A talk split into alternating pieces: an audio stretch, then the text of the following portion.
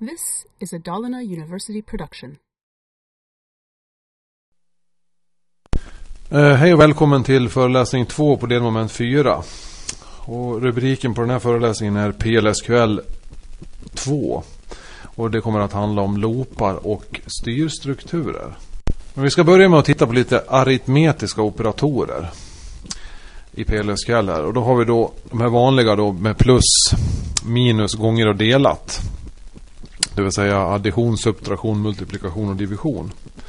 Och sen har vi då en längst ner som ser ut som två stycken stjärnor och det är exponentiering. När vi vill då använda exponenter att räkna med.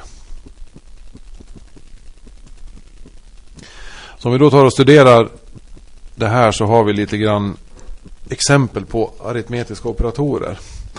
Och då har vi lite regler för hur vi ska göra det här. En viss turordning då. Att det första som händer då är att vi då ska räkna ut våra parenteser. Och sen har vi då gånger eller delat. Och i sista hand så gör vi då plus eller minus. Om vi då ser att vi har en parentes där och den kommer då att bli 2 gånger 3 då.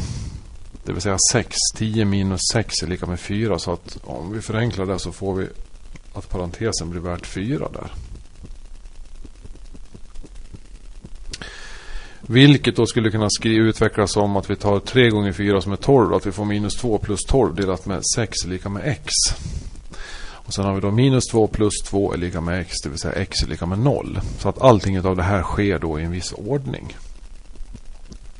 Och det gäller att tänka på det när man skriver PLSQL-kod. Även om man håller på med AND och OR-operatorer.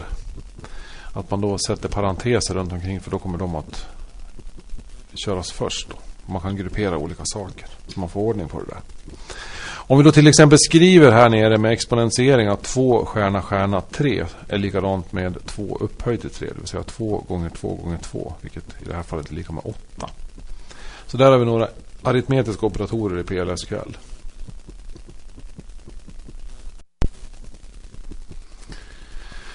PLSQL har inga inputsatser. Men vi skulle kunna använda något som kallas för substitutionsvariabler. Och ett sådant ampersand eller och-tecken då markerar då en substitutionsvariabel i PLSQL. Eh, och i det här fallet då så ser vi att vi har lite PLSQL-kod här. Vi deklarerar en variabel som vi tilldelar ett värde och så skriver vi ut den här variabeln. Och då ser vi då där pilen säger att vi har satt ett och tecken framför mitt underscore värde vid variabeltilldelningen. Och det ser ut sådär. Så att sätter vi ett och tecken framför så kommer utvecklingsmiljön då eller den här klientmiljön då att skicka upp någonting så att vi får då skriva in ett värde på den här. Och då får vi ungefär som en inputsats då, men att det blir en substitutionsvariabel. Så i det här fallet så kommer Kalle att hamna i den här platshållaren mitt underscore värde. Och det här stöds då i SQL Developer och det stöds i SQL Plus och i de flesta klientprogram där man då kan köra PLSQL. Och styrstrukturer Ja, det är det som på engelskan heter control structures. Så att man skulle vilja kalla det för kontrollstrukturer då, men korrekt svenska det blir det styrstrukturer. Och i det första då så skulle vi kunna använda if-satser. If, then, and if. Och sen skulle vi kunna använda if, then, else, and if konstruktionen. Och sen har vi if, then, else if, then, and if. Och i det fjärde fallet så kan man använda våra case-sats. Case, when, then, end case. Och det här då kan vi göra att vi kan testa olika saker i PLSQL. Så att med de här if och case-satserna så klarar vi oss väldigt långt. Om vi börjar titta på case-satsen och tar ett exempel på en case-sats så skulle det kunna se ut så här då. Vi har en programmerare där som tydligen älskar att programmera PLSQL. Vi börjar då med det reserverade ordet declare i vårt anonyma PLSQL-block. Och sen har vi då en variabel, lokal variabel där som har namnet v-num som är av datatypen number. Och då tilldelar vi den då ett värde. Och då hänger vi då på en sån här ampersand, ett och-tecken och talar om att här ska vara en substitutionsvariabel så att man får mata in när programmet exekverar då ett värde för det här. Ange underscore, ett underscore heltal. Och så har vi en annan, annan variabel som heter v underscore test som också är numerisk. Och så börjar vi programmet då. Vi börjar med att tilldela den här variabeln v-test modulo utav venum och så dividerar den med 2 så kollar vi vad vi får för rest. För har vi till exempel ett heltal nummer 4 som vi delar med 2 så kommer det att vara jämnt delbart med 2. Det vill säga att 4 delat med 2 är 2 och resten blir 0. Men har vi då ett, ett udda tal till exempel 3 och delar med 2 så kommer det bara att gå en gång. Det vill säga vi kommer få 1 i rest. Så då skulle vi kunna testa om det här är ett jämnt eller udda tal som vi matar in här. Och då använder vi då en case-sats. Case V-test. When 0 så skriver vi ut att talet är jämnt. Det vill säga när resten är 0 då skriver vi ut att talet är jämnt. Else i alla andra fall då, så måste ju det här vara ett udda tal. Och så kör vi då en end case på det där viset. Och ett end på hela det anonyma programblocket. Så här har vi då ett enkelt exempel på hur man då kan använda en case-sats när vi vill jobba med styrstrukturer i PLSQL. Om vi då tar samma exempel men med en if-sats istället.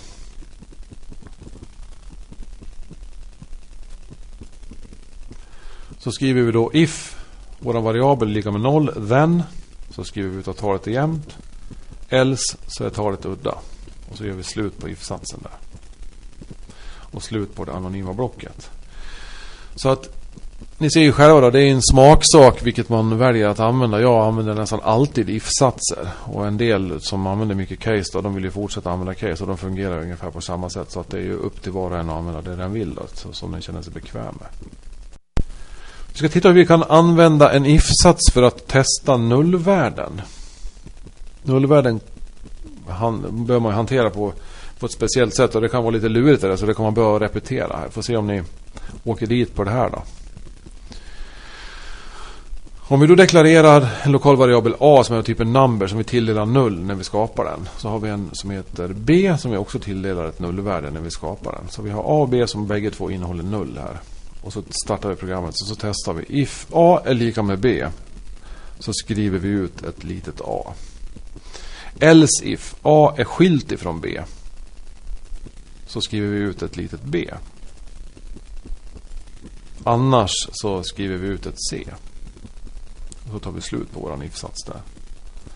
Så är den stora frågan då. Vad kommer vi att få för utskrift? Kommer den att skriva ut A, B eller C?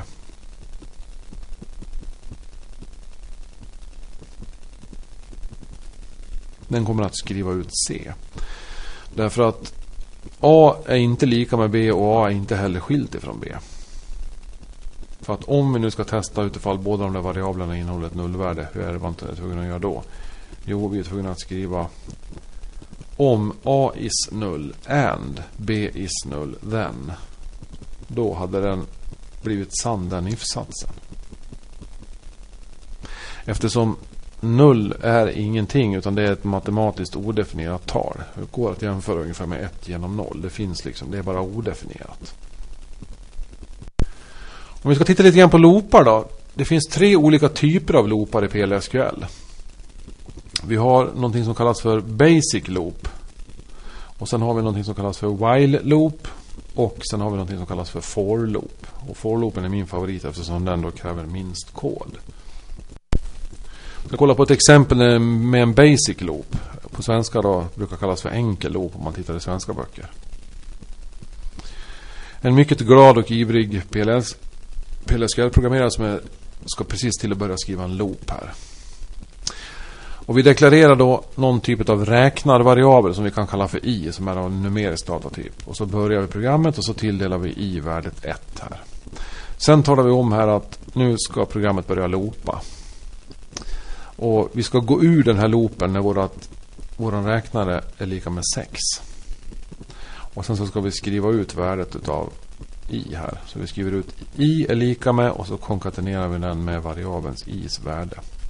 Sen lär vi då komma ihåg att varje gång vi har skrivit ut den så måste vi då öka i med 1. Så att första gången vi skriver ut den så kommer den vara 1. Och sen nästa gång så vill vi ta i som då är 1 är lika med 1 plus 1 blir 2. Och så vidare. Så ökar vi på den där en gång, varje gång där. Och så talar vi om för den att loopen ska avslutas sen. Och att programsnutten också ska avslutas. Och att vi då kommer att få den där utskriften. Ända upp till 5 där. Att när i är lika med 6 då skriver den inte ut utan då går den ur loopen och bryter den. Så att så kan det se ut om vi använder en basic loop. Observera att vi har en räknarvariabel som vi är tvungna att hantera själva. Om vi då gör en while-loop så måste vi då ha samma explicita hantering av den här räknarvariabeln. Det vill säga vi kan skapa en som heter i där och som vi tilldelar värdet 1. Så kan vi då skriva while i är mindre än 6 loop. Och så skriver vi ut värdet utav i. Och så kommer vi ihåg då att vi måste öka i med 1 varje gång i loopen. Och så talar de explicit att loopen ska sluta och att programblocket är slut. Det där skulle då generera samma utskrift. Så där har ni syntaxen då för en while-loop. Så om vi då tittar på det sista exemplet här, det vill säga på en for-loop. Så behöver vi inte deklarera någon explicit variabel som en räknarvariabel utan den är så att säga inbyggd i vår for-loop. Så då skriver vi for i in 1 till 5 och till då blir punkt punkt 5 loop. Och så skriver vi helt enkelt ut vår variabel i där. i är lika med i. End loop. Och då ser ni att vi behöver inte tala om loopen att den ska göra exit eller när något visst har utan det är inbyggt i så att det blir allra minst kod när man då ska loopa i en for-loop. Därför tycker jag att den är bra eftersom jag då är lat. Vi får naturligtvis samma utskrift av den där for-loopen. Och vi skulle då kunna kalla, vi skulle kunna skriva for Olle Bull in 1 till 5 loop och så skulle vi kunna skriva ut Olle Bull att den där räknaren då som är med i for-loopen den kan man namnge till precis vad man vill. Men det är inte så bra att namnge saker till Olle Bull eftersom det inte talar om vad det är för någonting. Man vill ju då kanske namnge den till någonting som talar om vad det är för någonting. Då. I eller J eller rec eller något annat kanske. Eller counter eller något sånt. Men just att for-loopen har då en inbyggd räknare. Och den kan vi då kalla på precis vad vi vill.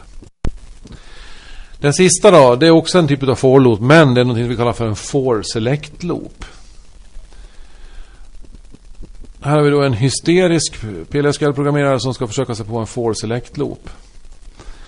Och då skulle vi kunna formulera följande då. For rec in. Och så skriver vi då en select, Select stjärna från student. Loop. Och då får vi ju tillbaks då alla rader som finns i tabellen student. Och låt oss säga att det skulle kanske vara 10-15 rader nu. Så då har vi ju 10-15 poster som vi kan loopa igenom. Då skulle man kunna se det här resultatet ifrån selektsatsen som en länkad lista. Som har en beginning of file och en end of file. Det vill säga att när det är slut, när vi kommer till sista posten, då finns det inget mer att loopa igenom. Utan då kastas händelsen end of file. Och då kommer loopen automatiskt att sluta i en for-loop där. Då skulle jag ju då kunna skriva ut och använda räknarvariabeln då, rec kallar vi den för i for-loopen. Och så kommer jag åt det genom att jag vill kanske skriva ut då förnamn konkatenerat med ett mellanslag och så efternamn på alla studenter som finns i den här tabellen. Då. Så då kan jag då komma åt det genom att använda räkna, det vill säga rec. punkt och så kolumnen f-namn då som finns med i tabellen student. Och så kommer jag åt den med rec.enamn då för att efternamnet där.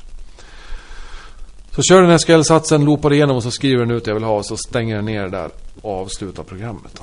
Och då skulle jag få den här utskriften eftersom jag då har 2, 4, 6, 8, 10 stycken rader i den här tabellen. Och ett meddelande om att PLSQL procedur successfully completed. Då skulle jag då kunna använda en for select loop för det där. Och då har vi kommit till slutet här på föreläsning 2, delmoment 4. Och då säger Produktig här på återseende. Och nästa gång så ska vi då titta på någonting som kallas för cursorhantering i PLSQL. På återseende.